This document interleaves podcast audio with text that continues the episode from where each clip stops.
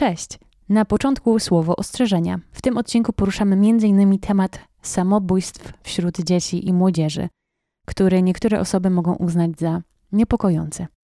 Teraz głos oddaję Kasi.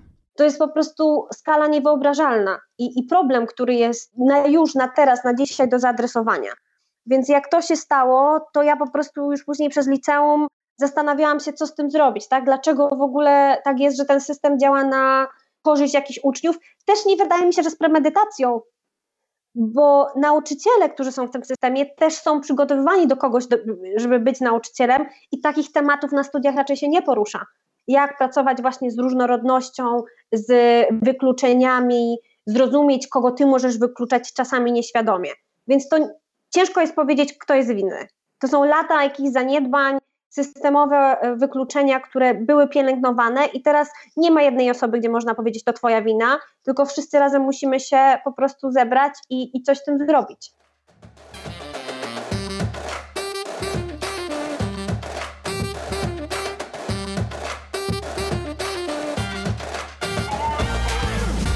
Cześć, tu Ania. Zapraszam do Pracowni Dziewczyn. Pracownia Dziewczyn to cotygodniowe rozmowy z dziewczynami i kobietami na temat edukacji. Edukacji tej szkolnej, czasem akademickiej, a już na pewno tej życiowej. Dokąd miała zaprowadzić, a dokąd zaprowadziła. O wyborach, o porażkach, o pracy kobiet, z kobietami i nad sobą. Z moją dzisiejszą rozmówczynią kojarzą mi się następujące słowa i wyrażenia – odwaga, ambicja i nadzieja w działaniu. Mam właśnie ogromną nadzieję, że jej odwaga, ambitne cele i praca z innymi kobietami i nie tylko na terenie Polski wprowadzą zmiany w systemie edukacji, o jakich pewnie wielu marzy, ale może nie wie, co można zrobić. Jak wesprzeć uczniów i nauczycieli w pracy z wyzwaniami, które stawia przed nimi szkolna rzeczywistość. Kasia natomiast zdecydowała się wyobrazić sobie polską edukację na nowo, i na wyobrażeniach nie poprzestaje. Sama ze szkoły oprócz nauki i ocen wyniosła doświadczenia prześladowania i zawstydzania ze względu na wygląd i wzrost, a w konsekwencji kompleksy, które towarzyszą jej w dorosłym życiu. Niedawno, choć z drugiej strony można by powiedzieć też tak późno, podzieliła się informacją, że zaczyna kochać swoje kręcone włosy i przez ostatnie trzy lata uczy się, jak kochać swoje prawdziwe ja.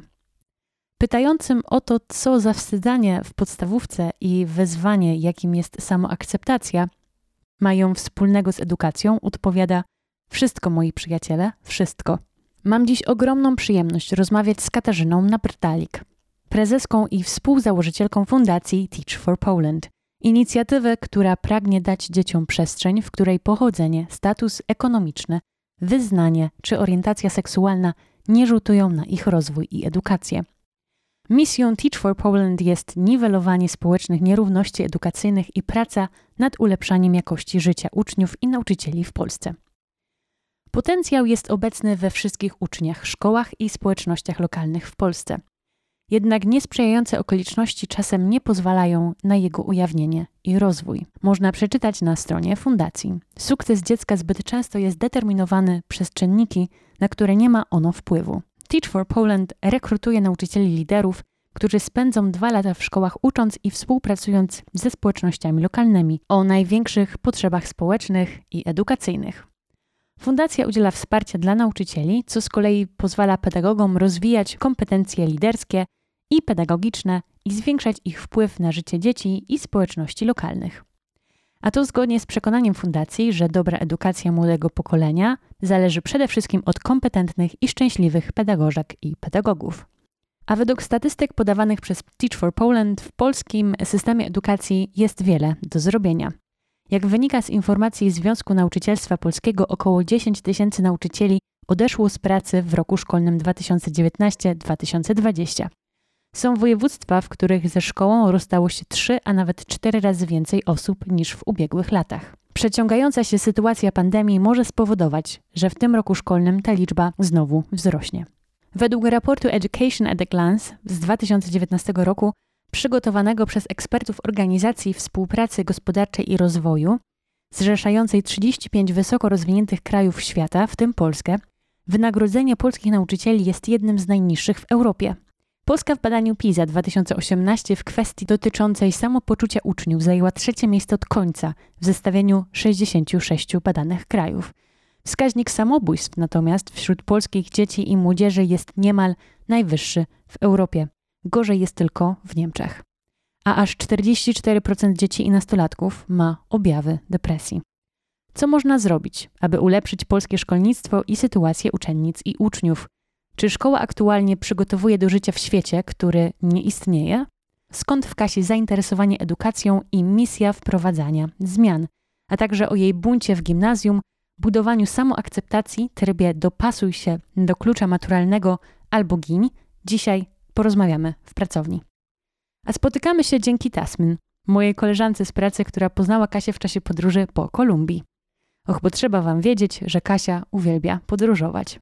Kasia Nabrdalik, bardzo się cieszę, że przyjęłaś moje zaproszenie do rozmowy w pracowni dziewczyn. Kasiu, witaj. Dziękuję za taki wspaniały wstęp, aż cię zasłuchałam. Bardzo się cieszę na tę rozmowę, jestem gadułą, edukacja Teach for Plant moja pasja, więc e, bardzo się cieszę na tę rozmowę. Powiedz mi najpierw trochę o tych podróżach. Pandemia i te dzisiejsze okoliczności nie sprzyjają podróżowaniu. Udaje ci się troszeczkę coś chociażby w Polsce pozwiedzać, uciec na chwilę? Teraz e, się akurat udało. Spędziłam tydzień nad Morzem Polskim. Taka mała podróż w Kopalinie. To jest mała wioska niedaleko Łeby, więc udało się trochę odetchnąć, pooddychać jodem, pochodzić po plaży. Nie poplażować, bo pogoda nie sprzyjała. Ale w pandemii w zeszłym roku też udało się odbyć e, taką małą wyprawę po Bałkanach. Od e, Grecji, Aten do Rumunii więc e, tak jeździliśmy trochę bez planu i też, też się udało. Mniej tego jest, ale podróże mogą być różne. Czasami się jedzie do miasta obok a, albo jakiegoś miejsca, nawet w danym mieście, w którym się mie mieszka, którego się nie znało i się odkrywa wspaniałe rzeczy. Więc jest tego mniej, ale wciąż, bo bez podróżowania i odkrywania nie wyobrażam sobie swojego, swojego życia. A powiedz mi, przedstawiając Ciebie, pisząc to intro, zastanawiałam się, bo dla mnie Naprawdę, im więcej o tobie czytam, tym mam jeszcze większe i mocniejsze wrażenie, że po prostu w twoim życiorysie i w twoich decyzjach i w twojej różnej działalności jest bardzo dużo odwagi. Czy ty to u siebie widzisz? Wiesz co, widzę, ale to nie jest tak, że to przychodzi z taką wielką łatwością. Wydaje mi się, że są osoby, które mają tą odwagę wrodzoną, a ja, ja lubię podejmować ryzyko. Nakręca mnie też podejmowanie ryzyka, ale to nie jest tak, że to się odbywa bez jakichś konsekwencji, czyli bez stresu, bez jakichś nerwów, właśnie myślenia o tym, jakie będą konsekwencje albo skutki jakichś odważnych decyzji, ale właśnie wiem, że bez, bez tej odwagi pewnie nie byłabym w miejscu, w którym jestem, ale ta odwaga, powiedziałabym, nie jest nadrzędną cechą moją, chyba czymś, co tą odwagę jakby wzmacnia, jest to, że ja mam takie głębokie poczucie misji w tym, co robię. Więc bez, wiem, że jakbym nie była odważna, to bym nie mogła tej jakiejś swojej misji społecznej, którą Teach for Poland ma spełnić.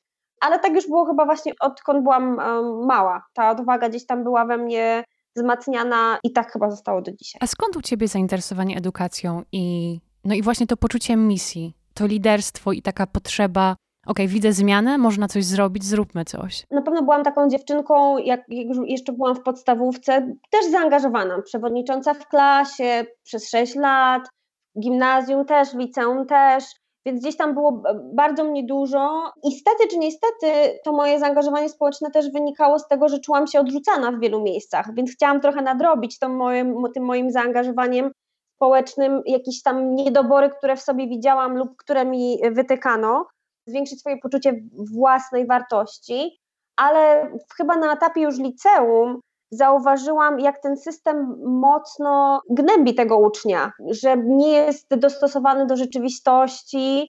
I później na studiach trafiłam do organizacji studenckiej, nazywa się ISEC.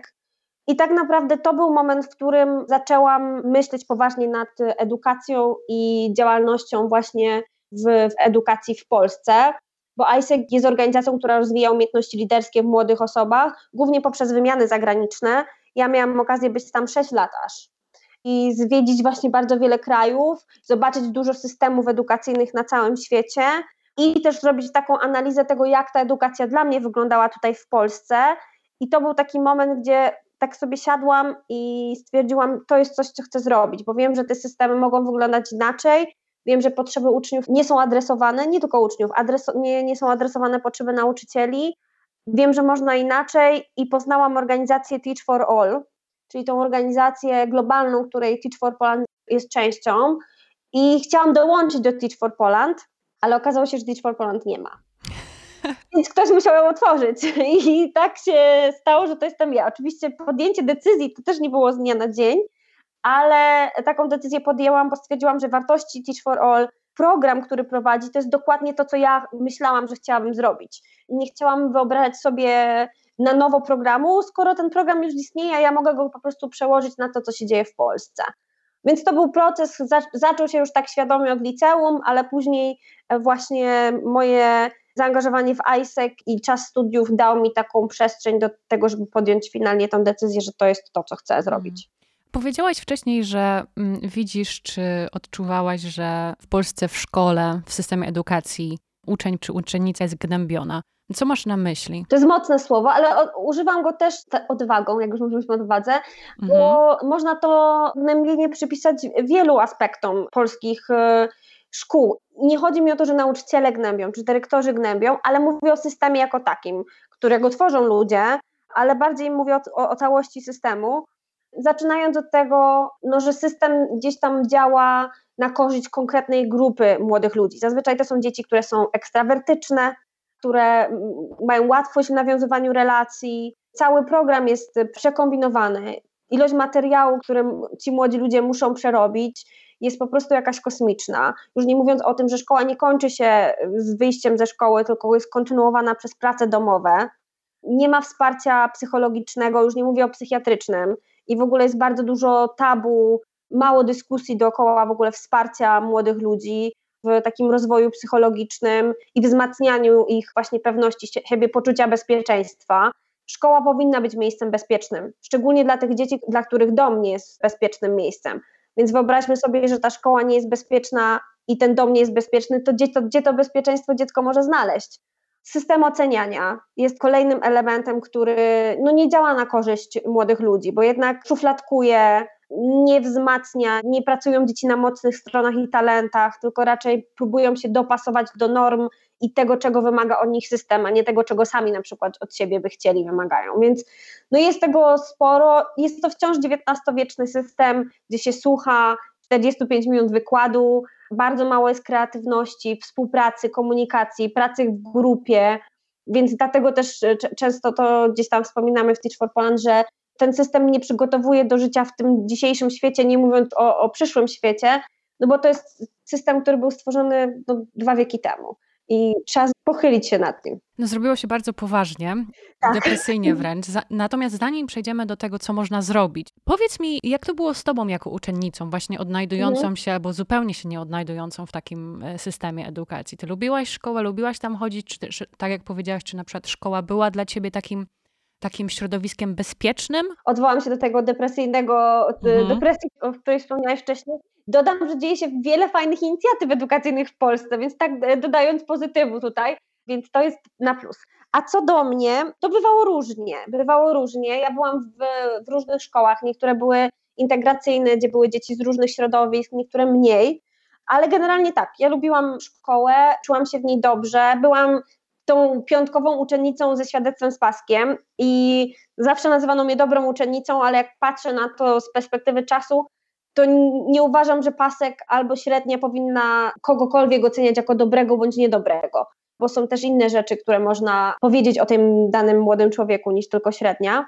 Ja byłam społecznikiem od zawsze, więc angażowałam się w różne projekty, w pracę w domach dziecka, jakieś stowarzyszenia, teatry, no ale tak jak już wspomniałam wcześniej, wiele takich moich inicjatyw społecznych wynikało z tego, że ja szukałam trochę swojego miejsca, bo przez to jak wyglądałam, czyli na początku ten mój wzrost, a później to, że byłam no, grubsza, powodowało to, że byłam mocno wytykana palcami. Byłam niższa, no do dzisiaj mi tak zostało.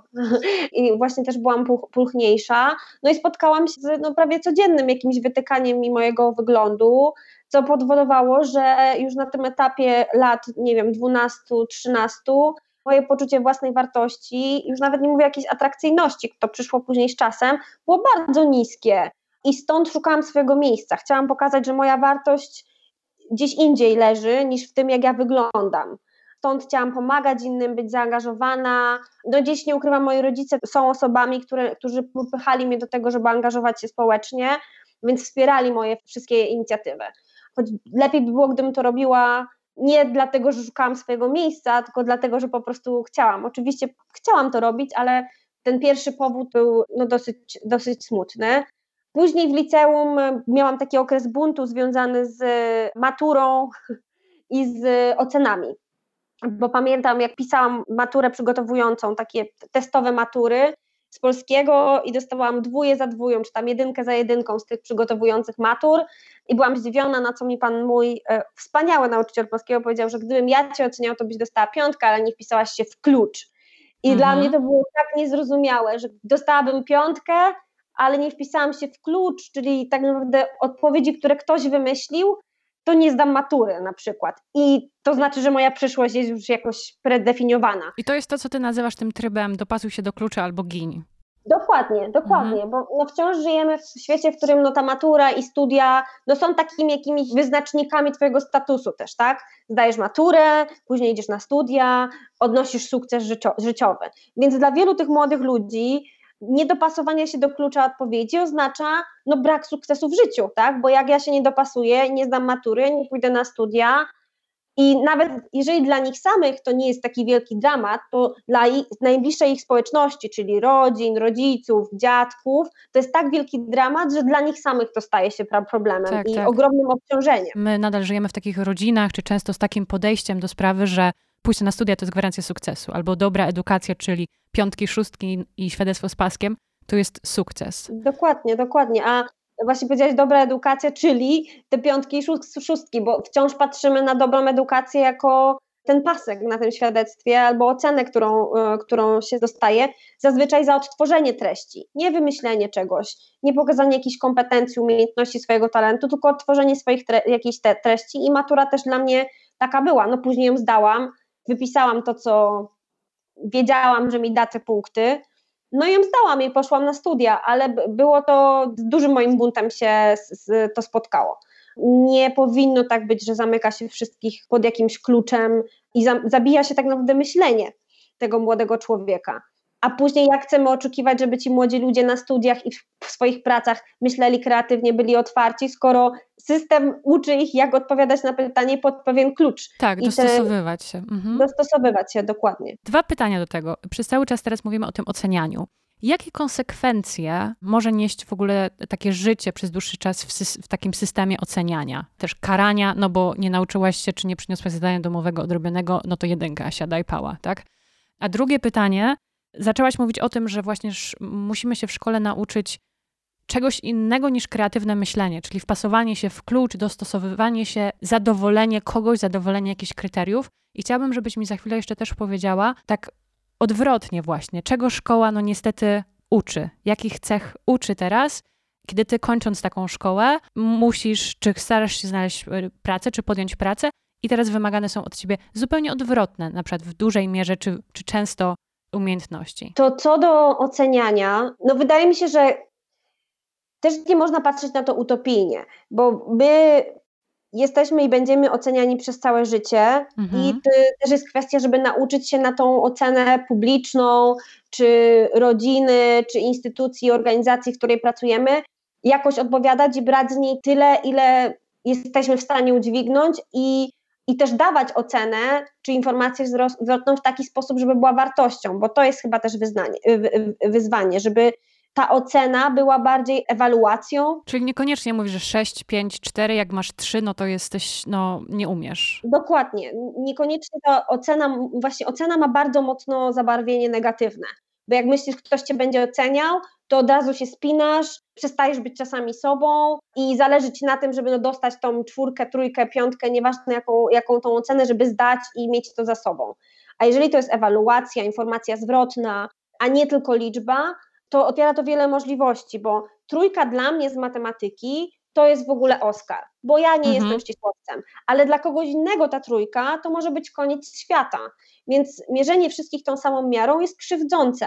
I też nie ma jednej skali na świecie, którą można oceniać tak samo wszystkie dzieci. Po prostu to jest e, niemożliwe i bardzo ciężkie do do prowadzenia, mhm. ale system ocenia, oceny czy ewaluacji, czy jakiegoś mierzenia postępu przede wszystkim powinien pokazać temu młodemu człowiekowi, jakie ma możliwości, budować jego motywację, a nie sprawiać, że ta młoda osoba będzie czuła się mało wartościowa i będzie gdzieś tam te skrzydła podcinać. Kształtować zainteresowania i pokazywać temu młodemu człowiekowi, gdzie są te Twoje mocne strony, w którym kierunku możesz się rozwijać, albo gdzie są jakieś rzeczy, które na przykład są u ciebie mniej rozwinięte na tym etapie i w które możesz trochę więcej czasu zainwestować, jeżeli uważasz, że to jest odpowiedni ruch, bo może nie jest. I rzeczą jedną, którą odkryłam w zeszłym, dwa lata temu, przepraszam, mamy ten system 1 do 6 w Polsce. Niestety bądź niestety, polscy nauczyciele w wielu przypadkach nie wiedzą, że tak naprawdę to nie jest system, który jest gdzieś opisany w, jakimś, w jakiejś e, umowie, ustawie, ustawie, przepraszam, którego muszą używać. System oceniania jest tak naprawdę wybiera dana placówka szkolna i to, co mówi prawo, to jest to, że musi być klasyfikacja ucznia na semestr i tam mhm. musi być ocena, ale nie, mus, nie trzeba robić klasówek, kartkówek co tydzień czy co dwa tygodnie i wystawiać ocen. To nie jest nigdzie napisane, ale w związku z tym, że ten system tak funkcjonuje już od lat, dziesiątek lat, no to nasi nauczyciele się do tego przyzwyczaili. I ciężko jest ten status quo poddawać jakiejś dyskusji, ale są już nauczyciele, którzy na przykład dają możliwość swoim uczniom, żeby oni sami sobie wystawili ocenę. I pytają, na ile uważasz, że zasługujesz? I mówią im, to zaargumentuj dlaczego. I to jest zupełnie inna dynamika, bo ten uczeń mówi, dobrze, to jest cztery i uważam, że zasługuję na cztery, bo A, B, C, D. I tutaj ta ocena czwórka nie jest najważniejsza, ale to, co jest ważne, że ta młoda osoba jest w stanie powiedzieć, dlaczego zasługuje. Refleksja. Dokładnie, poddać ten swój, tą swoją pracę jakiejś refleksji.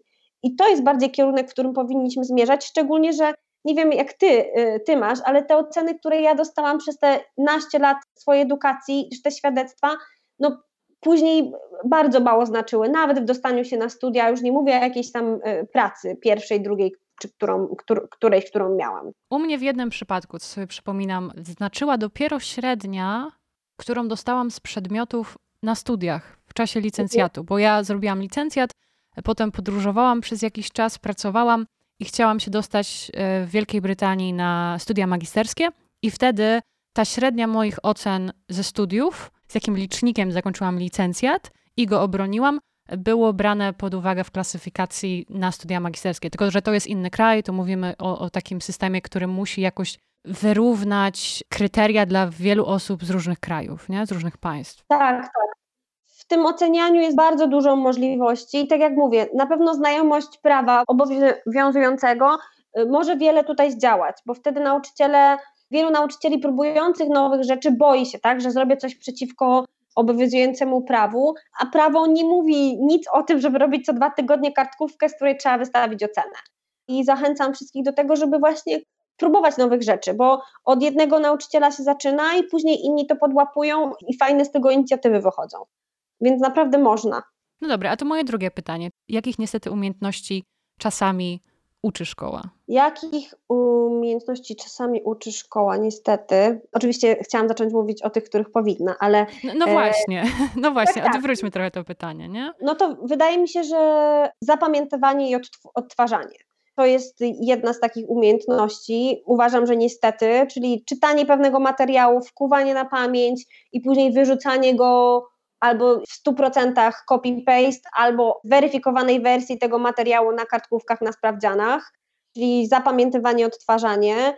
Podkreślę to odpowiedzi pod klucz, czyli dopasowywanie się do jakiegoś klucza odpowiedzi, do jakiegoś toku myślowego, który nie jest nasz, tylko czyjś. Wymaga to od nas, żeby w taki sposób e, odpowiadać. Nie wiem, czy indywidualizm to jest dobre słowo, ale nie potrafię znaleźć teraz innego ale faktycznie w szkołach jest bardzo mało współpracy, pracy grupowej, czerpania talentów, mocnych stron kolegów czy koleżanek, tylko jest to gdzieś, to jest gdzieś mocno nastawione, nie ma pracy projektowej, mocno nastawione na indywidualne osiągnięcia, indywidualną pracę, a wiemy, że w świecie realnym, no, czy chcemy, czy nie chcemy, jednak z tym drugim człowiekiem mamy dosyć dużo wspólnego, więc ten indywidualizm też. Brak myślenia za siebie to jest związane, związane trochę z tym e, odtwarzaniem i pod klucz pisaniem odpowiedzi.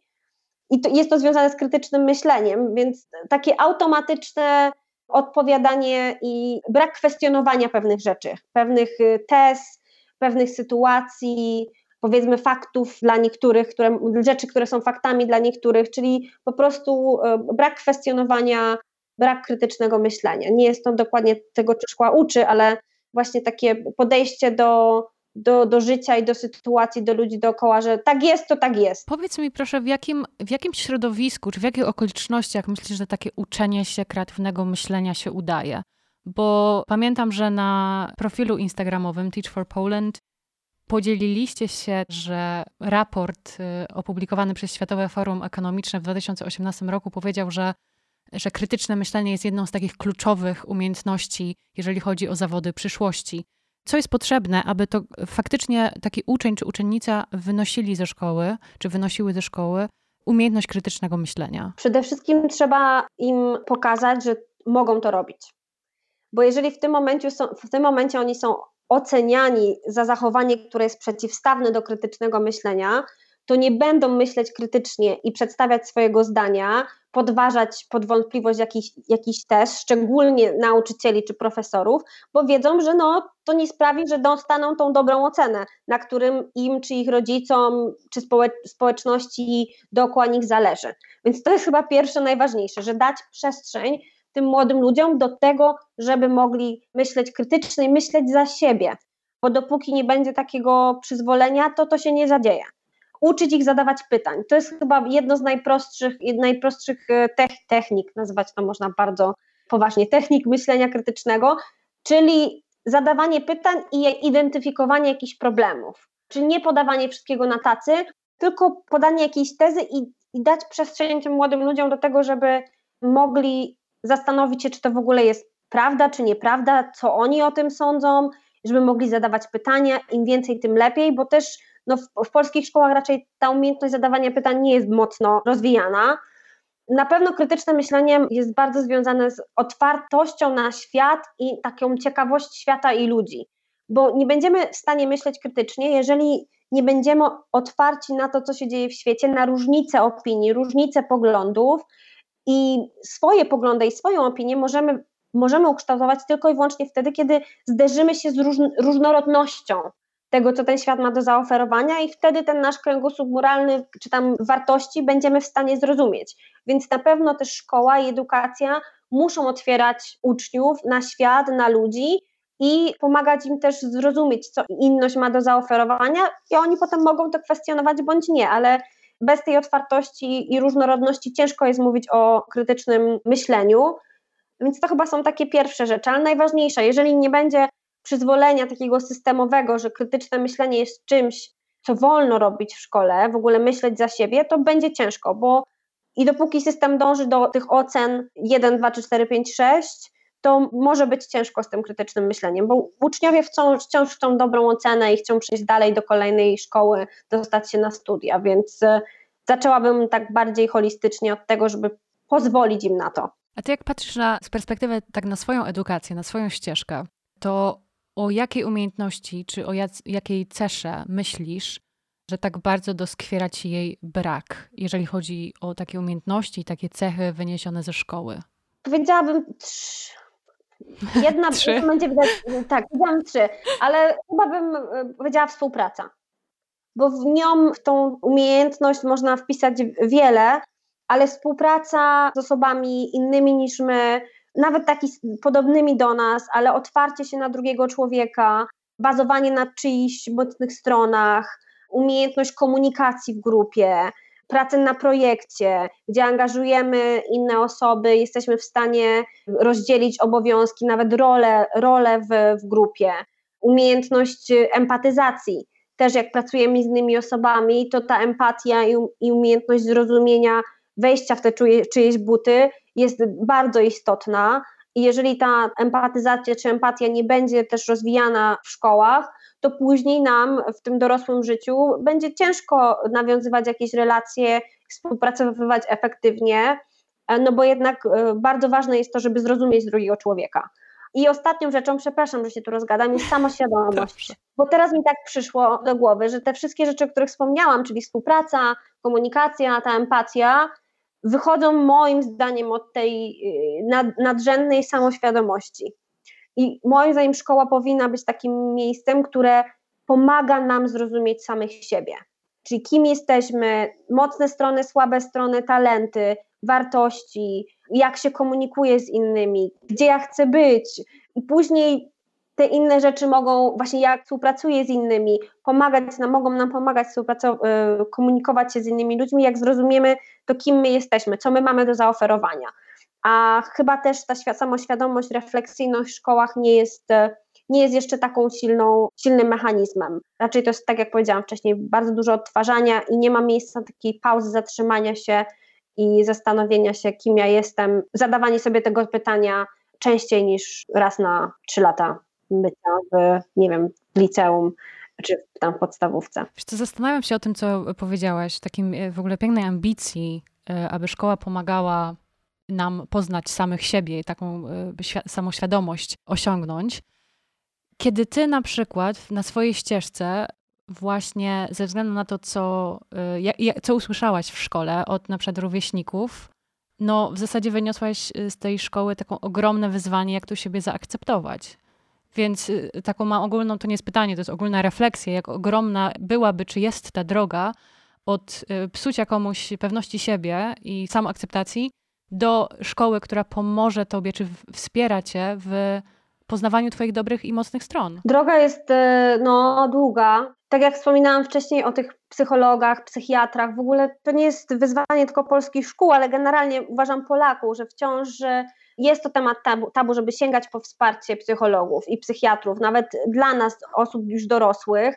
Nie mówi się o tym bardzo głośno, o jestem, nie wiem, na terapii, potrzebuję pomocy. Proś, proszenie o pomoc jest też swego rodzaju słabością. Nie jest, ale jest postrzegana czasami jako słabość.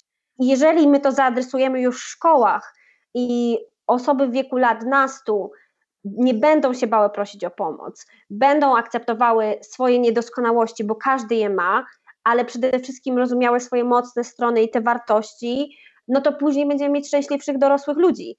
To jest bardzo proste, proste, proste porównanie, ale tak właśnie, tak właśnie będzie. Ale jak mamy to robić, skoro nie ma tych psychologów, nie ma, nie ma psychiatrów. No, w szkołach są pedagodzy, którzy czasami są godzinę dziennie. Wiem, że się robi znowu ciężko i depresyjnie, ale takie są realia i niestety to, co jest też wyzwaniem, że czasami właśnie te dzieci, które najbardziej potrzebowałyby takiego wsparcia, nie mogą sobie na to pozwolić, bo na przykład prywatny psycholog czy psychiatra to są no, grube pieniądze i ich rodziców na to nie stać, albo rodzice nie widzą takiej potrzeby, więc no, te dzieci to już kompletnie zostają pozostawione sami sobie. Więc rola edukacji w ogóle powinna tutaj w tym aspekcie ewoluować. Nie jest to tylko wyciąganie wiedzy, zdobywanie jakiejś wiedzy, tylko to jest dużo, dużo więcej. A ty dzisiaj potrafisz prosić o pomoc? Nie zawsze, jeszcze nie. Zawsze. nie. Mm. Albo odważnie powiedzieć, że mam gorszy dzień, albo nie wiem, miałam, przechodziłam przez terapię. Wiesz co, gorszy dzień nie boję się, to zależy do kogo jeszcze. Mam wiadomo swoje grono takich najbliższych. Mój chłopak jest tutaj najbardziej tutaj odbiorcą moich gorszych dni i jemu się nie boję tego powiedzieć. Z osobami z mojej fundacji jest nas piątka i tutaj czasami mam taki, taki dylemat wewnętrzny, no bo ja jestem jednak panią prezes, tak? Że powinna, panią w cudzysłowie, i powinnam być tutaj osobą, która prowadzi ten okręt, ale jeżeli nie będę autentyczna, to ten okręt zatonie. Więc też y, mówię głośno, jak jest, jak się czuję i jeżeli potrzebuję wsparcia, to po, po nie sięgam, bo nikt nie jest super bohaterem. I też staram się zdjąć z siebie jako osoby odpowiedzialnej za fundację taką stygmę, że muszę być super bohaterką, zawsze muszę być przygotowana, zawsze muszę być idealna, bo wtedy bym się wykończyła. Więc pracuję nad tym, ale jest zdecydowanie lepiej. Okej. Okay. Gdybym Cię jeszcze tak zapytała, wracając na chwileczkę do, twojego, do Twojej takiej wczesnej edukacji i do Twojego domu, to, bo to, co szkoła mówi, albo co szkoła jakby przedstawia czy, swoj, czy systemem, czy, czy trybem swojej pracy i tak dalej, to jest jedna sprawa. A druga sprawa to jest to też czasami, co przynosimy z domu, albo wynosimy z domu, bo też są takie rodziny, które słyszą, co się w szkole wyprawia, co, nie wiem, na jaki, nauc- na jaki pomysł wpadł nauczyciel które potrafią powiedzieć, że nie chcą na przykład tego, tak? Bo moje no. dziecko nie będzie grało w takim systemie, bo nie lubi zasad gry i tak dalej. Tacy rodzice, którzy, nie wiem, czy to nazwać asertywnością, czy po prostu mają jakieś, nie wiem, krytycznie myślą pod względem tego, co, co proponuje szkoła, czy, czy dany nauczyciel, czy nau nauczycielka. A jak to było u Ciebie w domu, jeżeli chodzi właśnie o taki komunikat związany z edukacją? Powiedziałabym, że to był taki miks. Do liceum, czyli podstawówka, no jeszcze gimnazjum wtedy, jednak moi rodzice byli tymi rodzicami pasek, dobre oceny, najlepsza córka, jedynaczką jestem też, więc musieli wyle- wszystko chcieli, musieli na mnie wylewać, bo nie mieli na kogo więcej, yy, dopóki się nie pojawił pies. Przejął troszeczkę to jarzmo. Przejął troszeczkę, pół żartem, pół serio, ale faktycznie moi rodzice bardzo mocno zwracali uwagę na oceny, było pytanie, jak mówiłam, że dostałam 4 plus z plusem, to było pytanie, a dlaczego nie piątka? A jak ja mówiłam, że e, Gabi, moja przyjaciółka, pozdrawiam, Gabi dostała czwórkę, a ja 4 z plusem, ale ty nie jesteś Gabi. To standard, standard był, więc też e, gdzieś tam czułam taką presję, żeby te dobre oceny przynosić. W wielu przypadkach robiłam je, e, to nie dla siebie. Też był, byli rodzicami, są wciąż rodzicami, którzy wysyłali mnie do wszystkich możliwych szkół, tańca, szkoły muzycznej, języków. Szkoły muzycznej bardzo nie chciałam pójść i pamiętam jak dziś, jak miałam lat chyba, nie wiem, do 12, dostałam się tam do szkoły muzycznej, spędziłam w niej 6 lat i nie do końca lubiłam instrument, na którym grałam, bo to był flet poprzeczny. Mhm. I mówiłam do moich rodziców, że jak ja będę miała dzieci, to wyślę je za karę też do szkoły muzycznej i będą grały na kontrabasie, bo to największy instrument. Więc no tak, moi rodzice byli bardzo ambitnymi rodzicami, którzy chcieli, żebym robiła wszystko naraz. Zmieniło się to już, jak ja byłam powiedzmy w gimnazjum, ostatniej klasie liceum, gdzie ja zaczęłam troszkę się buntować. I, I mówiłam, że to, co jest w szkole, nie do końca mi pasuje, że ja mam inne pasje. Na przykład taniec akurat był moją wielką pasją. Chciałam mieć mocno, chciałam mieć swoją szkołę tańca nawet w, przyszłości. I wtedy pamiętam, nawet miałam taką rozmowę z moim tatą, a on powiedział, że okej, okay, to ja chcę, żebyś zdała maturę i żebyś pomyślała nad studiami, ale dobrze, to jakie masz inne pasje, co byś chciała rozwijać, więc od tego momentu pojawił się już ten dialog i chciałam im pokazywać, jaki ten system jest. Ja wtedy też nie byłam na takim poziomie jeszcze świadomości, jak jestem powiedzmy teraz, chociaż też dużo mi brakuje, ale już gdzieś te dyskusje były i to, co na pewno moi rodzice mi dali, to są podróże. Podróżowałam z nimi dużo, z moim tatą odbyłam taką miesięczną podróż Uganda, Tanzania, Zanzibar wow. i zawsze będę im za to wdzięczna, że pokazali mi świat, tak, że wyszłam dzięki nim spoza, poza mój Sosnowiec, z którego pochodzę, nawet poza Polskę i pokazali mi, jak wiele rzeczy jest na tym świecie, o których nie wiem, nie mam pojęcia i zaszczepili we mnie taką pasję do podróżowania i do, nawet więcej niż do podróżowania, do odkrywania tego świata. I to była lepsza lekcja niż większość lekcji, które miałam w szkołach i, i za to jestem im wdzięczna. Po dzień dzisiejszy to robią, więc y, pomimo tych, tej presji, piątek i pasków, bardzo dużo im zawdzięczam. Wspomniałaś um, troszeczkę o tym buncie w gimnazjum i na początku liceum. Czy mogłabyś tam nam troszeczkę więcej opowiedzieć o tym Twoim pójściu pod prąd? Bo w artykule, którym dałaś się bardziej poznać na stronie właśnie Fundacji Teach for Poland, powiedziałaś, że ten bunt jakby otworzył ci oczy na taki inny aspekt edukacji, ze względu na to, z jakim ty towarzystwem się, w jakim towarzystwie się obracałaś, jakich miałaś przyjaciół i co się z tymi przyjaciółmi y, stało. Tak. To było w drugiej klasie gimnazjum, kiedy ja miałam taki rok trochę buntu, że ja już nie chcę być tą dobrą uczennicą z piątkami, szóstkami. Poznałam też trochę inne środowisko, właśnie miejsce, w którym, z którego pochodzę, też jest bardzo różnorodne, są bardzo różne rodziny. I też w, w tym okresie zaczęłam się kolegować z osobami, które były postrzegane przez e, większość osób jako te, które sprawiają problemy wychowawcze, i też dużo było zdziwienie osób dookoła, że ja się z nimi, ja, Kasia, taka dobra uczennica, się z nimi zaczęłam, zaczęłam z nimi więcej przebywać. Ku mojemu zdziwieniu, i wtedy byłam zdziwiona, to nie przyszło mi, z czasem tą całą sytuację poddałam większej analizie, ale już wtedy byłam zdziwiona, że pomimo tego, że ja zachowywałam się tak jak oni, czyli naprawdę sprawiałam problemy wychowawcze, co prawda ich nikt nie zapytał, dlaczego je sprawiają. Co jest też wyzwaniem naszego systemu, że to dzieci zachowują się w pewien sposób, dobry, zły, sprawiają jakieś problemy, bo coś się u nich dzieje i może nie są w stanie wyrazić tego w inny sposób. Nigdy nikt ich nie zapytał, tylko była oczywiście dawana im stygma, że to są te dzieci niedobre, złe, które siedzą w ostatniej ławce i nie osiągną zbyt wiele. A ja pomimo tego, że byłam prawie kalka w kalkę, tak samo się zachowałam wtedy, dostawałam szansę za szansą. Szansę na to, żeby poprawić jakiś test, szansę, żeby napisać jeszcze raz, szansę, żeby pracę domową przynieść jeszcze raz. No i to jest duże, duże wykluczenie systemowe. Także ja tą szansę dostałam, bo pochodziłam z jakiejś rodziny, miałam jakąś swoją historię w szkole, gdzie byłam dobrą uczennicą. Reputacja. Hmm. Reputację, a oni tej szansy nie dostawali, tak naprawdę z dniem wejścia do szkoły już te szanse mieli ograniczone, bo pochodzili z konkretnych rodzin, z konkretnych dzielnic i to jest niesprawiedliwość, bo co te dzieci mają do powiedzenia o tym, skąd pochodzą? No nic, kompletnie. I oni po prostu czasami zachowują się, spełniając jakieś oczekiwania osób dookoła nich, bo jak ktoś ci mówi prawie z nim wejścia do szkoły, że ty nic nie osiągniesz, albo idź do ostatniej ławki i cały czas nie przeszkadzaj, nie przeszkadzaj, bo ktoś się wypowiada, no to oni się tak zachowują, jak inni oczekują, że będą się zachowywać. Więc pamiętam taką sytuację, y, jeden z moich znajomych w wieku drugiej, y, trzeciej już gimnazjum popełnił samobójstwo. I to był dla mnie taki jeden z tych znajomych właśnie, y, gdzie w drugiej gimnazjum miałam taki okres, powiedzmy, można nazwać buntu. I to był dla mnie moment duż, dużej niezgody.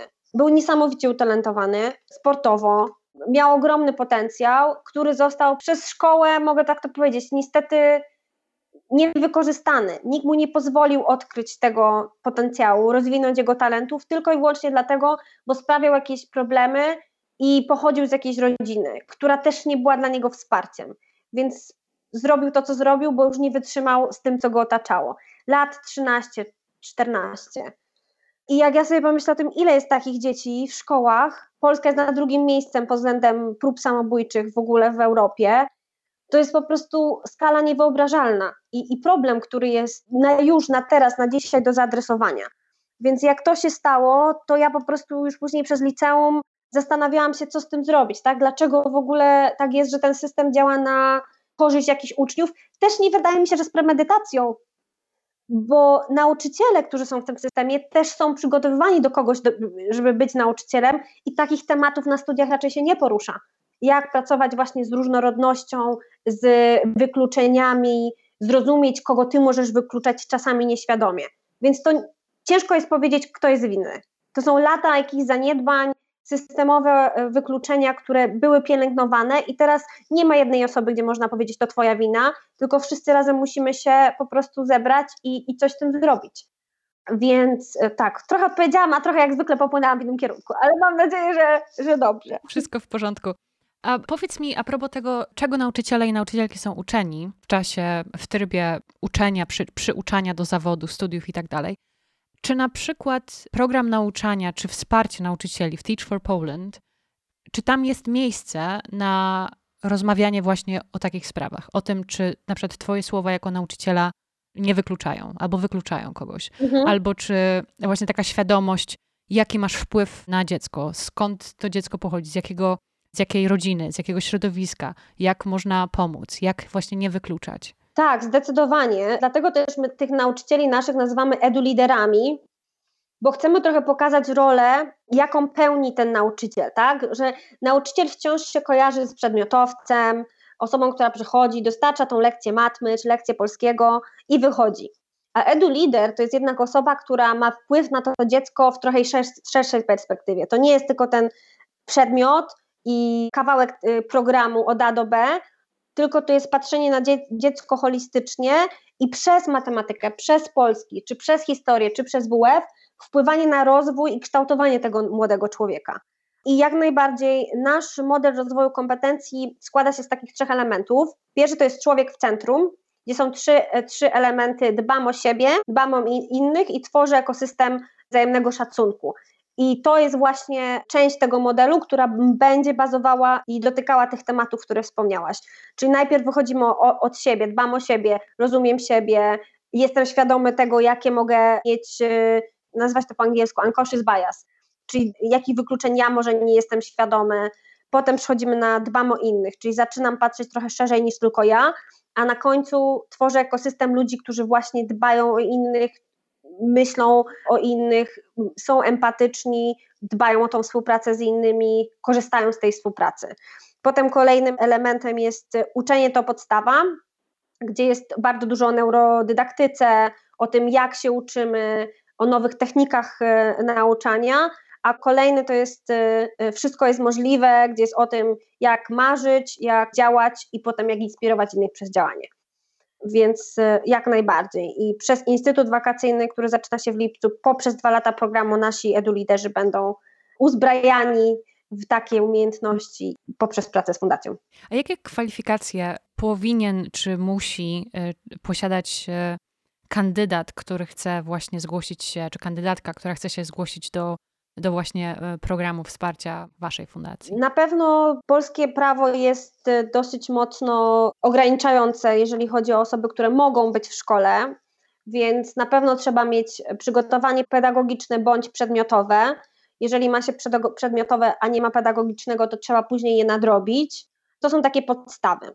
My na początku byliśmy, byliśmy otwarci tylko na matematykę i angielski, ale zaczęło do nas aplikować bardzo dużo różnych wspaniałych osób, więc otworzyłyśmy tą pulę przedmiotów i teraz tak naprawdę mamy różnych, różnych przedmiotowców, bo przedmiot nie jest dla nas, tak jak już wcześniej powiedziałam, powiedziałam, nie jest dla nas najważniejszy. Przede wszystkim edukacja to ma być pasja Twoja.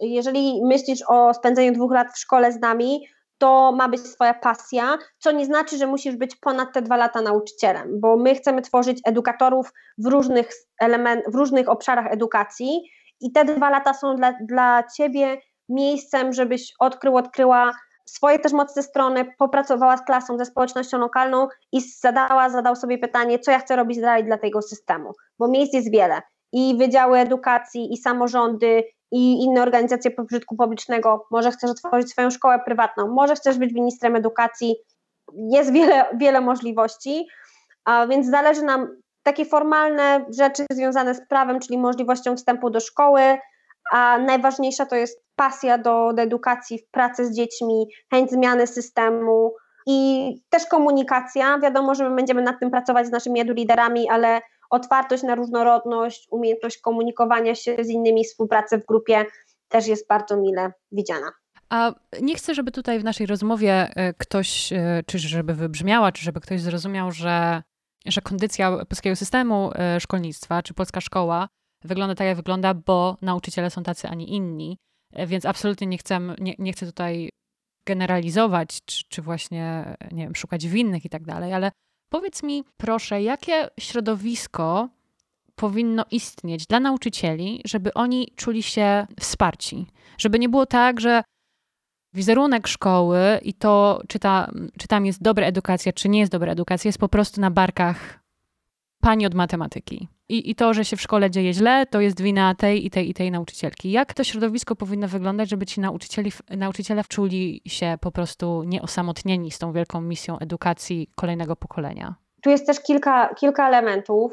Zaczęłabym też od takiego, powiedzmy, z, lotu ptaka, że przede wszystkim nie lubię używać słowa prestiż, ale użyjmy go teraz. Prestiż zawodu, zrozumienie roli nauczyciela musi zostać odbudowane. Że to nie jest właśnie tylko osoba, która spędza x godzin w klasie, tylko to jest znacznie więcej.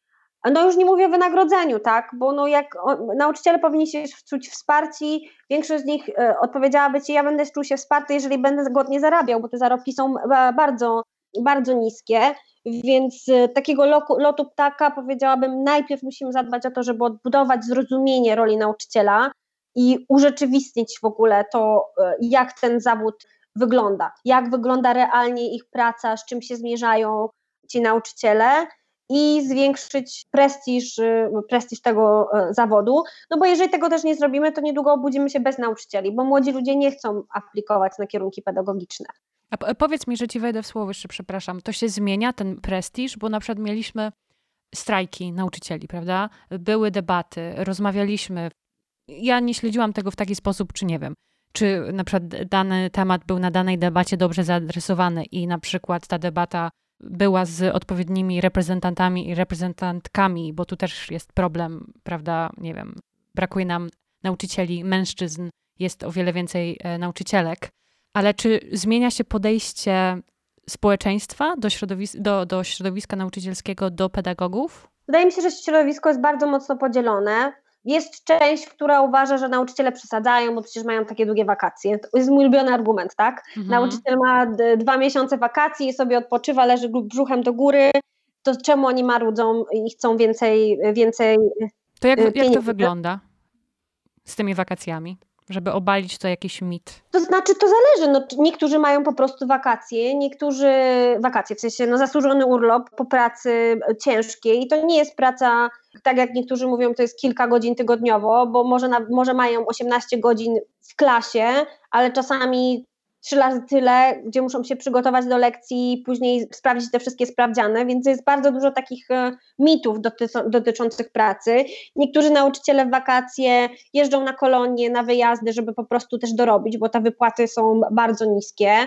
Robią świetlice środowiskowe, robią pracę jakąś półetatową w różnych miejscach, żeby po prostu coś zarobić. Jest no, bardzo dużo. Czasami to jest, można przypadek po przypadku analizować ale argument, że mają najdłuższe wakacje, no jest naprawdę bardzo nierzetelny, niedojrzały powiedziałabym. Mhm. Więc jest część taka, część osób, która takie tezy głosi, ale jest też dużo osób, która widzi i mi się wydaje, że pandemia tutaj zadziałała akurat na korzyść. Jak rodzice zostali sami z dziećmi w domu, w domu i zobaczyli, jak to jest spędzić ze swoim dzieckiem więcej czasu niż tylko po szkole, tylko przez cały dzień i nagle nie było tej pani czy pana jakiegoś, który zajął się tym dzieckiem, to chyba ta rola właśnie nauczyciela, jako takiego przewodnika tego dziecka, zaczęła być dostrzegana. Ale jeszcze jest, jeszcze jest dużo, do, dużo do zrobienia. Żeby ten zawód był atrakcyjny dla młodych ludzi, to też dużo musiałoby się zmienić, tak? Zarobki to jest jedna część, bo teraz można iść na praktykę do jakiejś dużej korporacji, zarobić dwa razy tyle, co nauczyciel stażysta, ale też unowocześnienie tego zawodu. I to też jest kwestia tego, jak wyglądają studia i czego ci młodzi, młodzi przyszli nauczyciele są tam uczeni. Um, co do wsparcia, bo też o to pytałaś, my pytaliśmy się naszych aplikantów, czego im brakuje najbardziej, bo część osób to są nauczyciele do trzech lat doświadczenia, część osoby bez doświadczenia nauczycielskiego, to no 70% osób odpowiedziała, że brakowało im mentora, czyli kogoś, kto będzie ich prowadził przez pierwsze lata bycia w szkole. To I to ciekawe. jest poważny, poważny problem, że taki młody nauczyciel stażysta powinien dostać nadanego mentora ze szkoły, ale część szkół nie ma na taki, takich zasobów, albo ci, ci nauczyciele, którzy są mentorami, nie mają do tego takich kompetencji, żeby tym mentorem być.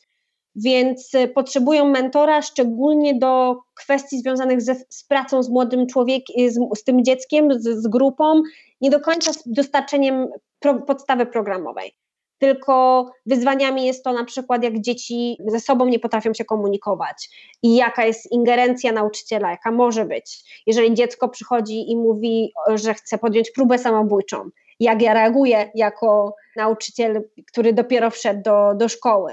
Jeżeli, nie wiem, jest podejrzenie e, przemocy, jeżeli dziecko, nie wiem, jest chore, albo ma jakieś stwierdzenie, nie wiem, e, choroby związane z psychiczne, to też kompletnie nauczyciele nie są przygotowani do pracy z takimi dziećmi, więc potrzebne jest duże wsparcie mentorów ze szkoły, spoza szkoły, kogoś, kto będzie ich po prostu prowadził, szczególnie przez te pierwsze, pierwsze lata.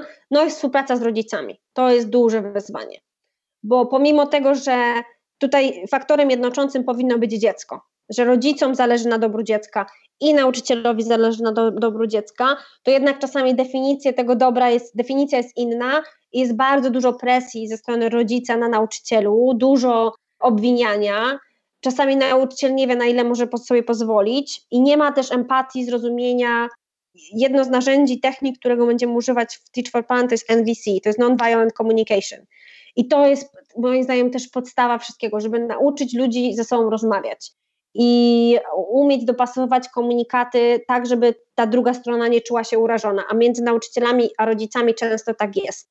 Prowadzenie nawet warsztatów na początku roku szkolnego, gdzie się rodzice z nauczycielami spotykają i dyskutują o tym, co to dobro dzieci dla nas znaczy, co my dla tych dzieci chcemy razem tutaj stworzyć, co z nimi chcemy stworzyć, nie dla nich, z nimi, może być czymś bardzo, bardzo dobrym, gdzie, gdzie ta bariera, wróg wróg zostanie przełamana nauczycieli, rodzic stają się koalicjantami, dwoma grupami, które są, współpracują i, i robią to dla, dla dziecka. Bo tam, przepraszam, że ci przerwę, bo tam jeszcze dochodzi kilka innych grup do tego, powiedzmy, do tych głosów za dobrem dziecka, właśnie jak powiedziałaś, no, w zależności jak to dobro jest rozumiane przez różne tutaj e, grupy i interesy i tak dalej, bo też mamy na przykład polityków, tak, którzy mhm. mówią o tym, czy polityczki, którzy, które mówią o tym, jak ta edukacja naszych dzieci czy, dzie czy młodych powinna, powinna wyglądać. No i też mamy samych uczniów, prawda? I teraz, y, jakie jeszcze wyzwania mogłabyś tutaj powiedzieć, które pojawiają się właśnie przy, przy takim stole rozmów, jeżeli już dochodzi do, do stołu y, rozmów i wymiany opinii?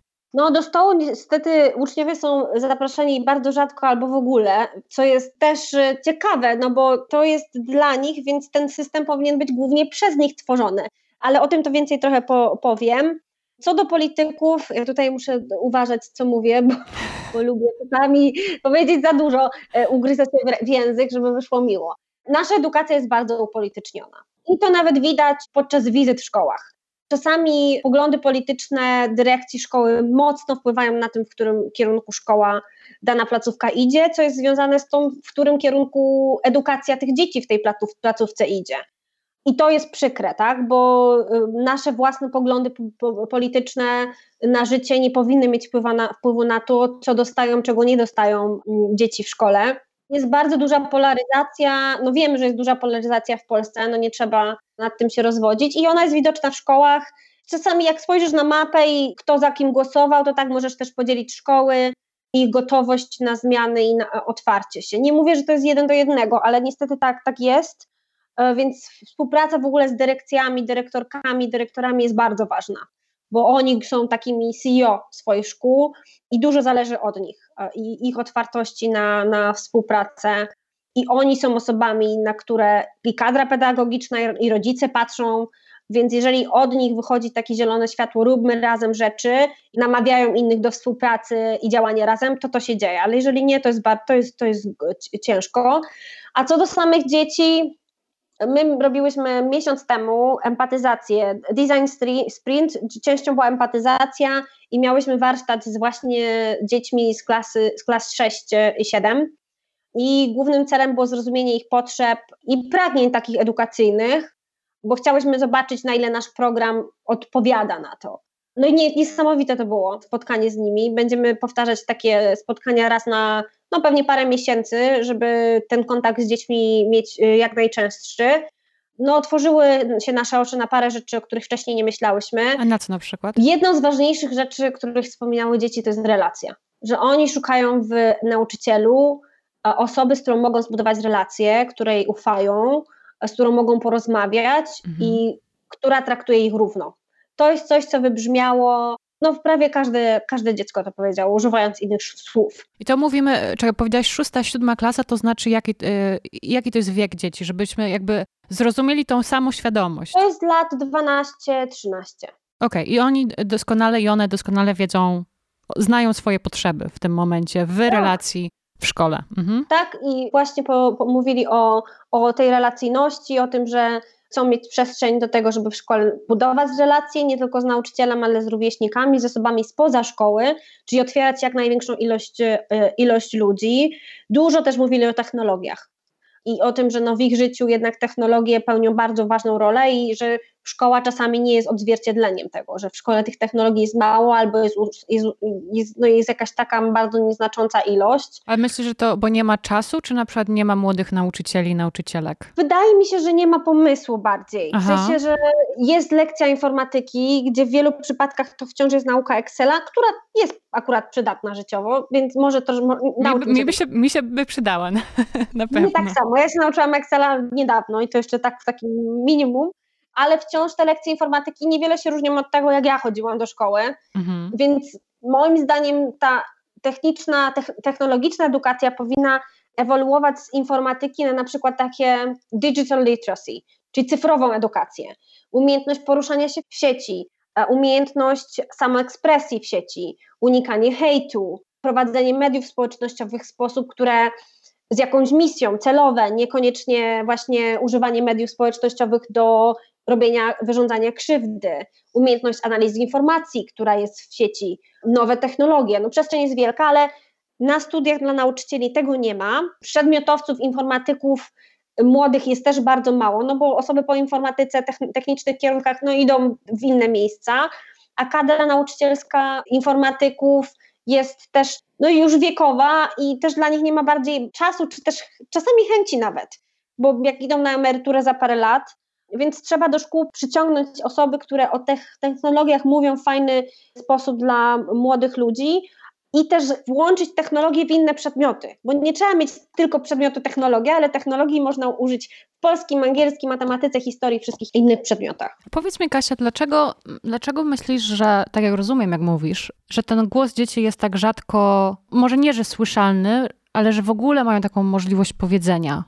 nam, czego potrzebują, a potem dopiero właśnie dlaczego, nie wiem, My nie potrafimy tego usłyszeć, na przykład w danych przypadkach czy w danych szkołach. Wydaje mi się, że czasami myślimy, że dzieci w takim wieku właśnie podstawówki nie są jeszcze wystarczająco świadome, czy ich komunikacja nie jest rozwinięta na tyle, żeby powiedzieć coś w sposób, który my zrozumiemy, bo oni są w stanie wyrazić siebie, ale czasami my nie umiemy, nie jesteśmy w stanie tego zrozumieć. Ale zapytałam cię o ten wiek e, szóstoklasistów i siódmoklasistów i szósto- i siódmoklasistek no to jakby ten komunikat jest dość, e, nie dosyć, że jest dojrzały, ale jest dość łatwy do zrozumienia, prawda? Potrzebuje relacji z nauczycielem. Bardzo był jasny i to powtarzano kilka razy.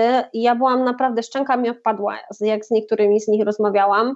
Wydaje mi się też, że to jest, że jest dużo strachu, tak? Bo jeżeli otworzymy się na rozmowę z, z dziećmi, no to może nam powiedzą coś, czego nie chcemy usłyszeć, na pewno to jest dodatkowa praca, angażowanie dzieci w, w jakieś debaty, czy zbieranie opinii publicznej, dodatkowy jakiś, nie wiem, koszt możliwe, ale wydaje mi się, że chodzi o to, że nie jesteśmy do tego przyzwyczajeni, tak? Że, że dzieci są wciąż traktowani jako odbiorcy systemu, nie twórcy systemu i dlatego nie są angażowani. Jeżeli będziemy patrzeć na nie jako twórców systemu, no to automatycznie będą angażowani, bo są też odpowiedzialni za to, jak ten system wygląda.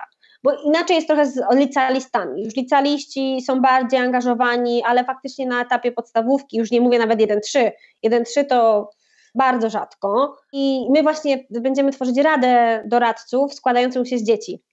Wiadomo, że taką praktyką y, wszędzie stosowaną jest Rada Doradców, gdzie masz prezesów, y, prezeski, bądź ekspertów w danych dziedzinach, no więc ekspertami dla nas są dzieci, więc będziemy tworzyć Radę Doradców składających się właśnie z, z dzieci w wieku e, różnym i takiej wczesnej podstawówki, późnej i liceum, żeby trzymali rękę na pulsie, czy to Teach for Poland ma sens, czy nie ma. No, brzmi świetnie. A, a propos tej potrzeby dzieci wyrażanej, czyli że potrzebuje relacji z nauczycielem, ty swo na swojej ścieżce spotkałaś takich nauczycieli, gdzie naprawdę byłaś dumna z tego, jak taka relacja wyglądała, ile dostałaś wsparcia na przykład, albo jak mogłaś się dzięki nim, dzięki ich obecności może po prostu się rozwijać? Spotkałam wielu, muszę przyznać. I wydaje mi się, że też miałam szczęście, bo tak jak wspominałam wcześniej, no gdzieś tam byłam tą dziewczynką zaangażowaną, dobrze się zachowującą w większości przypadków, bez tam e, różnych e, moich epizodów. Więc też nauczyciele do mnie lgnęli, bo nauczyciele lubią takie dzieci, jak ja, jakim ja byłam w podstawówce. Niestety, niestety tak, tak było. Więc miałam paru takich, moja pani z 1-3, pani Basia Dec, aż powiem, bo była wspaniała. Wspaniała, bardzo mocno we mnie wierzyła, bardzo mnie wspierała i nawet do niedawna się jeszcze z nią spotykałam, właśnie chodziłam do mojej podstawówki. Obydwu dyrektorów mojej podstawówki, mój dyrektor mojej podstawówki i mojego gimnazjum, wspaniali ludzie, bardzo mocno czułam od nich taki, mężczyźni obydwoje, takie, czułam, że wierzą, że jestem taką liderką szkolną i w, i w tej podstawówce, i w tym, w tym gimnazjum. Jednego z nich też spotkałam, jak byłam w Sosnowcu na spotkaniu dla nauczycieli i odchodził na emeryturę. I ja tam opowiadałam o Teach for Plan i ja się popłakałam i on też się popłakał, bo, bo to było dla nas takie wzruszające, że ja, jego uczennica, po x lat wracam do swojego miasta i, i z, takim, z taką fundacją i on odchodzi na, na emeryturę, więc spotkałam wielu wspaniałych nauczycieli i wiem, że bez nich, bez ich wsparcia i takiej wiary w to, w te moje umiejętności sięgające ponad moje oceny, Pewnie robiłabym inne rzeczy, a może nie, ale w danym momencie mi, byli dla mnie bardzo ważni. A tak właśnie nawiązując do tej sytuacji, takiego zamknięcia, że twój nauczyciel odchodził na emeryturę, a ty jesteś zaangażowana właśnie w fundację z tak ogromnym celem i ważnym e, celem. Ty jesteś dumna z tego miejsca, w którym teraz jesteś? Jestem, no, powiem ci, że jestem, ale to jest też płynne. Dzięki, że w ogóle o to pytasz. Czasami sobie zapominam o tym, ile już osiągnęłyśmy. Praca i działalność fundacyjna jest, daje dużo satysfakcji, ale też jest wyzwaniem, szczególnie finansowanie. To jest, to jest dzisiaj właśnie miałam moment spadku jakąś godzinę przed naszą rozmową, bo to jest ciągła walka o to, żeby przetrwać, jeżeli chodzi o finansowanie, więc nie, nie jest łatwo, ale jestem bardzo dumna, bo tak naprawdę trzy lata mijają, odkąd nad tym pracujemy. Ja i moja kofounderka e, z dziewczynami działamy sześć miesięcy, a skończyłyśmy rekrutację, zaczynamy pierwszy program zaraz, mamy już pierwszych partnerów, jesteśmy w sieci globalnej, więc e, dużo rzeczy się dzieje i warto się zatrzymać nad tym i powiedzieć, kurde, dobra robota, bo docenienie siebie jest bardzo ważne. Lubimy się pokopać czasami, za a bardzo. trzeba się doceniać. No, za bardzo. A w takim razie, czym jest dla ciebie sukces? Bo, no właśnie, raz, że um, często tak ciężko jest spojrzeć na siebie z dumą, albo nawet mieć czas, żeby zatrzymać się i zastanowić, o patrz, już jestem tutaj, a pamiętam moje obawy właśnie na przykład sprzed sześciu miesięcy, jak to będzie, kiedy zacznę się angażować w coś albo otworzę nowy projekt. A propos sukcesów, to, to czym jest dla Ciebie sukces na przykład w pracy w Teach for Poland? Teraz to są małe rzeczy. Wcześniej myślałam, jakiś czas temu, lat kilka, patrzyłam na sukces jako coś ogromnego, takie wielkie osiągnięcie, a teraz mamy nawet y, kanał taki na naszym komunikatorze, gdzie dzielimy się sukcesami. Ja jakbym nawet go otworzyła teraz i przez niego przeleciała, to tam są mikro rzeczy od, od tego, że ktoś nam odpisał na maila, na kogo bardzo liczyłyśmy, albo ktoś nam, nie wiem, zdecydował się na partnerstwo, y, mamy 160 aplikantów na program, więc dla mnie sukces to jest chyba postęp, progres, coś, co sprawia, że jestem, jesteśmy lepsze, chce nam się działać dalej, daje nam takiego kopa motywacji, pokazuje, że możemy. Nie patrzę na sukces jako coś, co jest coś, czymś ogromnym, e, bo wiem, że teraz tego w tym momencie w moim życiu tego potrzebuję. Potrzebuję skupić się na małych sukcesach, bo wiem, że mnie i mój zespół daje, to, daje skrzydeł i siły do działania dalszego. I stąd chyba taka perspektywa. Jakbyś zapytała się mnie, nie wiem, parę lat wcześniej, to bym powiedziała, że to jest bardziej coś takiego, wiesz, ogromnego. A teraz to są takie małe, codzienne rzeczy i chyba też bycie sobą, nie? Żeby w tym wszystkim się nie zatracić i pamiętać, kim jesteśmy, dlaczego to w ogóle zaczęliśmy, zaczęłyśmy robić żyć i być w zgodzie ze sobą to jest też sukcesem. A powiedz mi, czy ty nadal masz w zespole same kobiety? Mam, mam, mam. Dobra, to szybkie pytanie. Powiedz mi, co ty od nich dostajesz?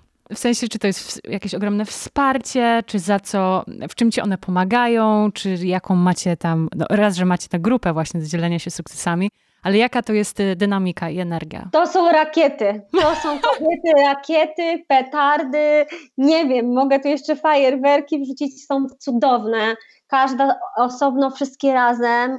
Uwielbiam je i nie wyobrażam sobie mojego, mo, mojej pracy, życia bez nich w tym momencie, bo no nie, tak praca nad fundacją to nie jest 8 godzin dziennie. Czasami jest 12, czasami jest 3, to zależy, ale ta nasza zależność y, jest bardzo duża w tym momencie i każda jest uzupełnieniem mnie. I jak je wybierałam do zespołu, wybierałyśmy z Kornelią, moją współzałożycielką, to szukałyśmy kogoś, kto uzupełni nasze słabe strony, tak? Że wiedziałyśmy, co my wnosimy do tego zespołu, wiedziałyśmy, czego brakuje i chciałyśmy wybrać takie osoby, które będą to uzupełniać i to zagrało fantastycznie. Są dla mnie ogromnym wsparciem ale są też wsparciem nie na zasadzie tylko klepania mnie po plecach, mhm. ale merytorycznym wspar wsparciem. Jeżeli ja błądzę, to też mi to mówią, nie boją się mówić i wyrażać swojej, swojego zdania i opinii, co jest dla mnie ważne, bo przy prowadzeniu fundacji dużo można rzeczy ominąć i one są też takim moim trzecim okiem.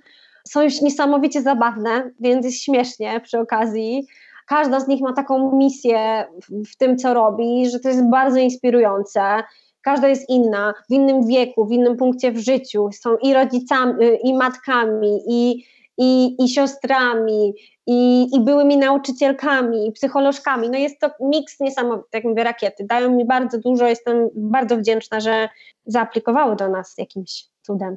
A tak jeszcze o wsparciu mówiąc, e, wsparciu innych osób i wracając na chwileczkę do tematu y, nauczycieli i sytuacji w Polsce, Powiedz mi, jak na przykład taka osoba jak ja, która już, no okej, okay, mogłabym wrócić na studia, no czy znaczy nie wrócić, tylko zacząć jakieś inne, albo się dokształcać, albo za chwilę, nie wiem, może nie za chwilę, ale uniwersytet trzeciego wieku i, i, i tak dalej. Jakby wejść na nowo, prawda, w, w tą dynamikę, że to i pozycję, że to ja jestem uczennicą, czy się dokształcam i tak dalej.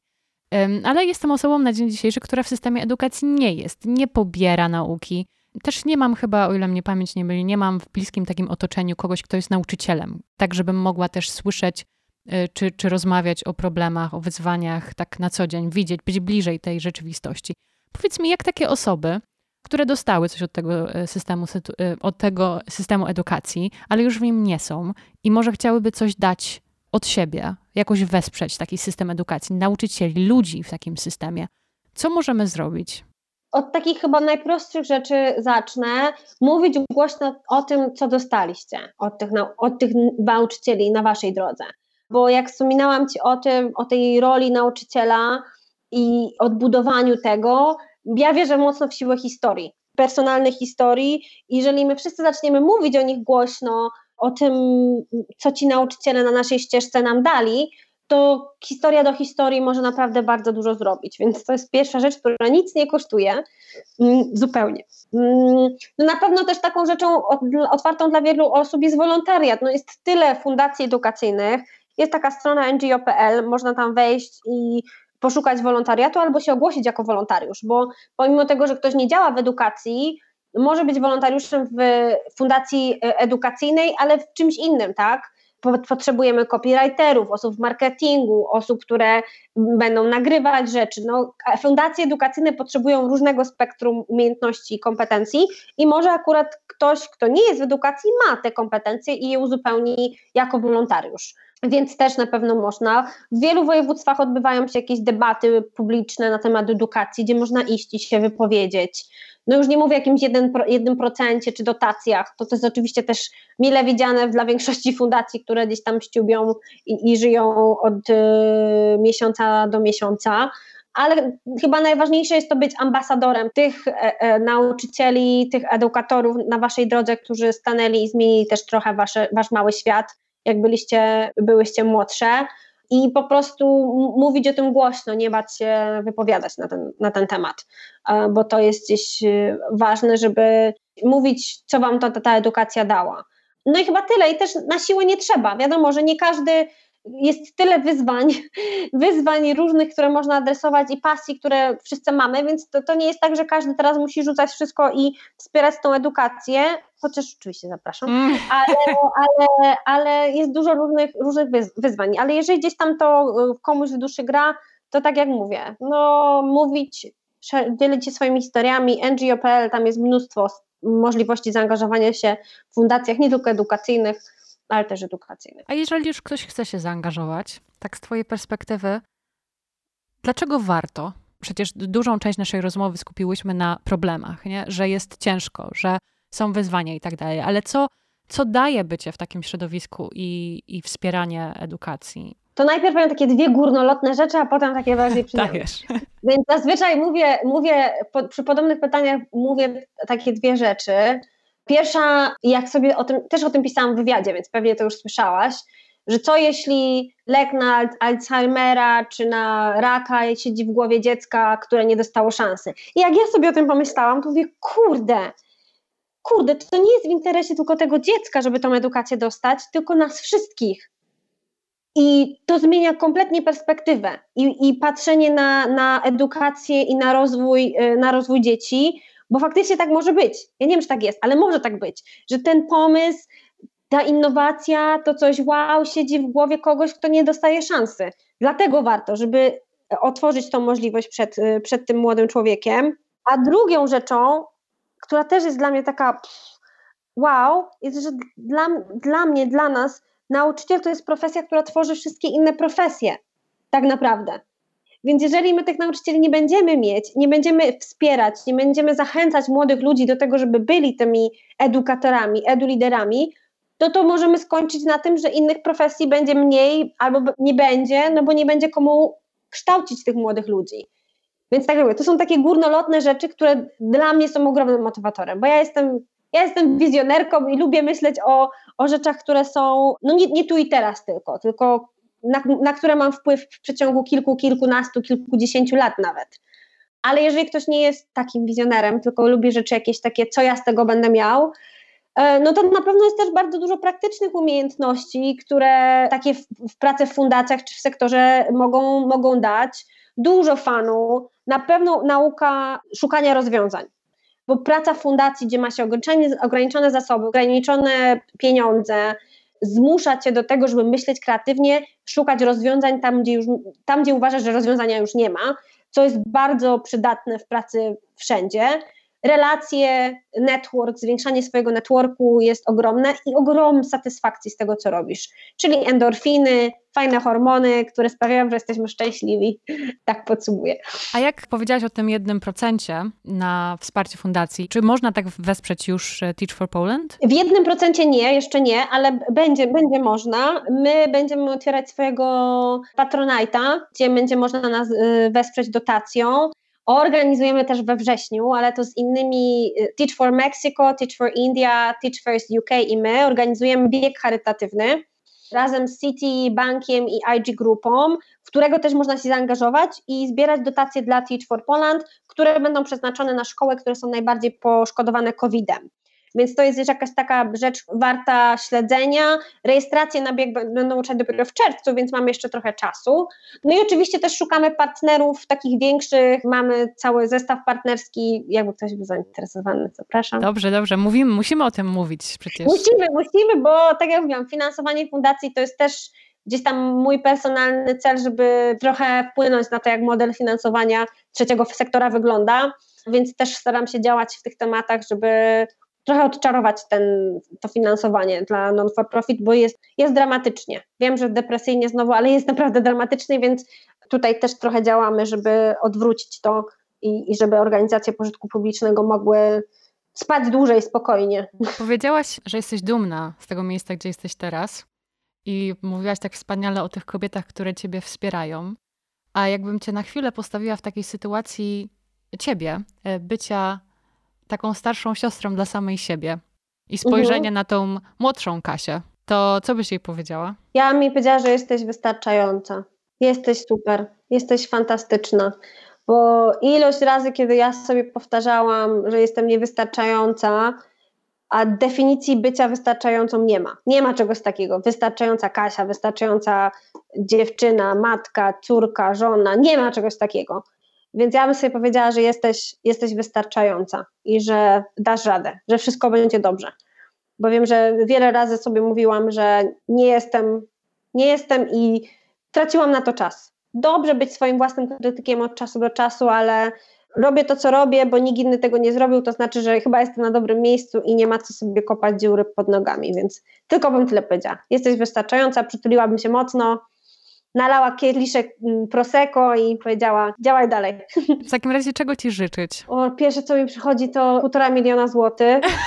tak bardzo powiem bezpośrednio. Dobrze. Ale oprócz tego dobrych ludzi na naszej drodze, którzy chcą z nami współpracować, którzy czują to, co robimy, robią to bardzo z potrzeby serca, nie tylko biznesu i którzy też chcą wprowadzać tą zmianę, którą my. Bo dla mnie ten aspekt kolektywu, mówimy na to w tej sieci globalnej, collective leadership, ten kolektyw jest dla mnie bardzo ważny, bo my nie zrobimy tego sami, same, potrzebujemy ludzi dookoła nas, którzy będą działać z nami i tego bym chciała, żeby nam, żebyś nam rzuciła, właśnie takich ludzi na naszej drodze, bo ich już mamy sporo, ale jeszcze.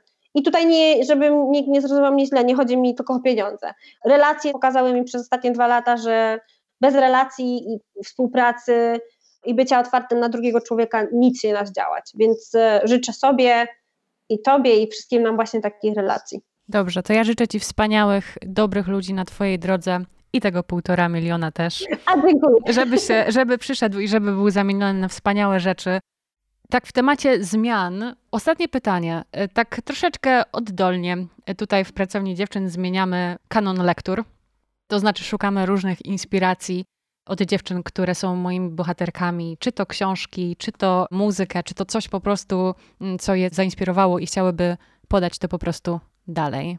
Miałabyś coś takiego? Co do muzyki, i wiem, że ona też może być taka e, bardzo e, dramatyczna bądź, e, bądź nie, ale ja ostatnio jestem w ogóle fanką Sanach. To jest polska piosenkarka, można ją tak nazwać, więc polecam Sanach. Śpiewa po polsku w większości, mocno refleksyjną muzykę, głównie o kobiecych historiach, dużo miłości, ale też różnych relacjach kobiet samych ze sobą, z innymi kobietami, więc chyba muzykę to bym jej poleciła, bo może dlatego, że jest u mnie na tapecie. A co do książek, to dwie bym poleciła. Właśnie stoję sobie przed swoją tą e, książkową półeczką. Jedna to jest Elizabeth Gilbert, City of Girls. To jest y, chyba dwa lata temu ta książka została wydana po Eat, Pray, Love, które uwielbiam. City of Girls zdecydowanie wspaniała książka o tym, jak wyglądałby świat, gdyby nim kobiety rządziły. Kolejna, Kochaj wystarczająco dobrze. To jest książka, która też przeczytałam ją w zeszłym roku, mówiąca o tym, jak budować relacje i związki i też zdjąć z siebie taką presję, żeby ten związek i relacja była wspaniała, perfekcyjna, tylko żeby kochać wystarczająco dobrze i to też jest ok. Więc to jest kolejna książka. Już miałabym mówić o, o następną, a, ale już przestanę. Te dwie. Te dwie. Możesz o nie, może, może jeszcze jedna. Matka, Matka Polka. To jest książka Ani Applebaum. Mam nadzieję, że dobrze przeczytałam. Jestem w połowie i to jest książka wywiad. Bardzo fajnie się ją czyta. Trochę pokazuje Polskę jako matkę Polkę i jej ewolucję, transformację tam przez lata 80.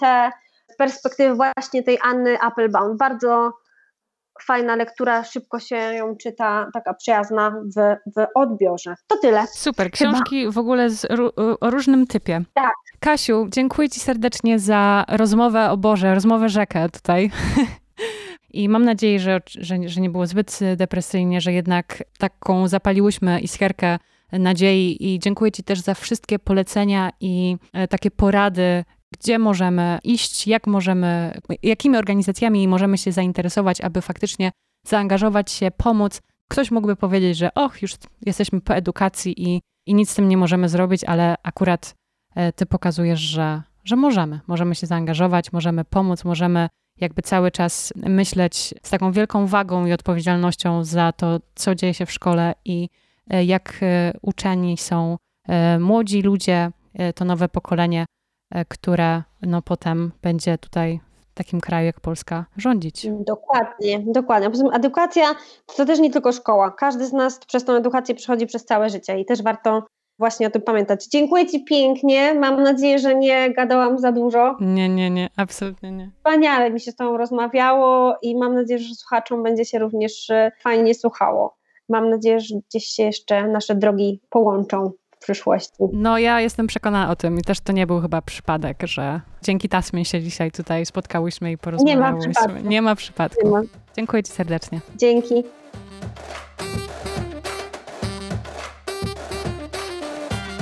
Więcej o fundacji, pracy Kasi i jej zespołu, a także możliwościach współpracy z Teach for Poland możesz znaleźć na stronie teachforpoland.org Zapraszam Cię również do śledzenia konta fundacji na Instagramie teach4.pl. Polecenia Kasi do kanonu lektur i wszystkie linki znajdziesz w opisie tego odcinka. Jeśli czujesz, że warto, podziel się tą rozmową z innymi. Jeśli chciałabyś czy chciałbyś polecić e, gościnie do podcastu, możesz zawsze napisać na maila pracownia dziewczyn podcast albo w prywatnej wiadomości na instagramowym koncie Pracowni Dziewczyn. Na dziś to już wszystko. Życzę Ci dobrej końcówki tygodnia i do usłyszenia w kolejny czwartek. Cześć!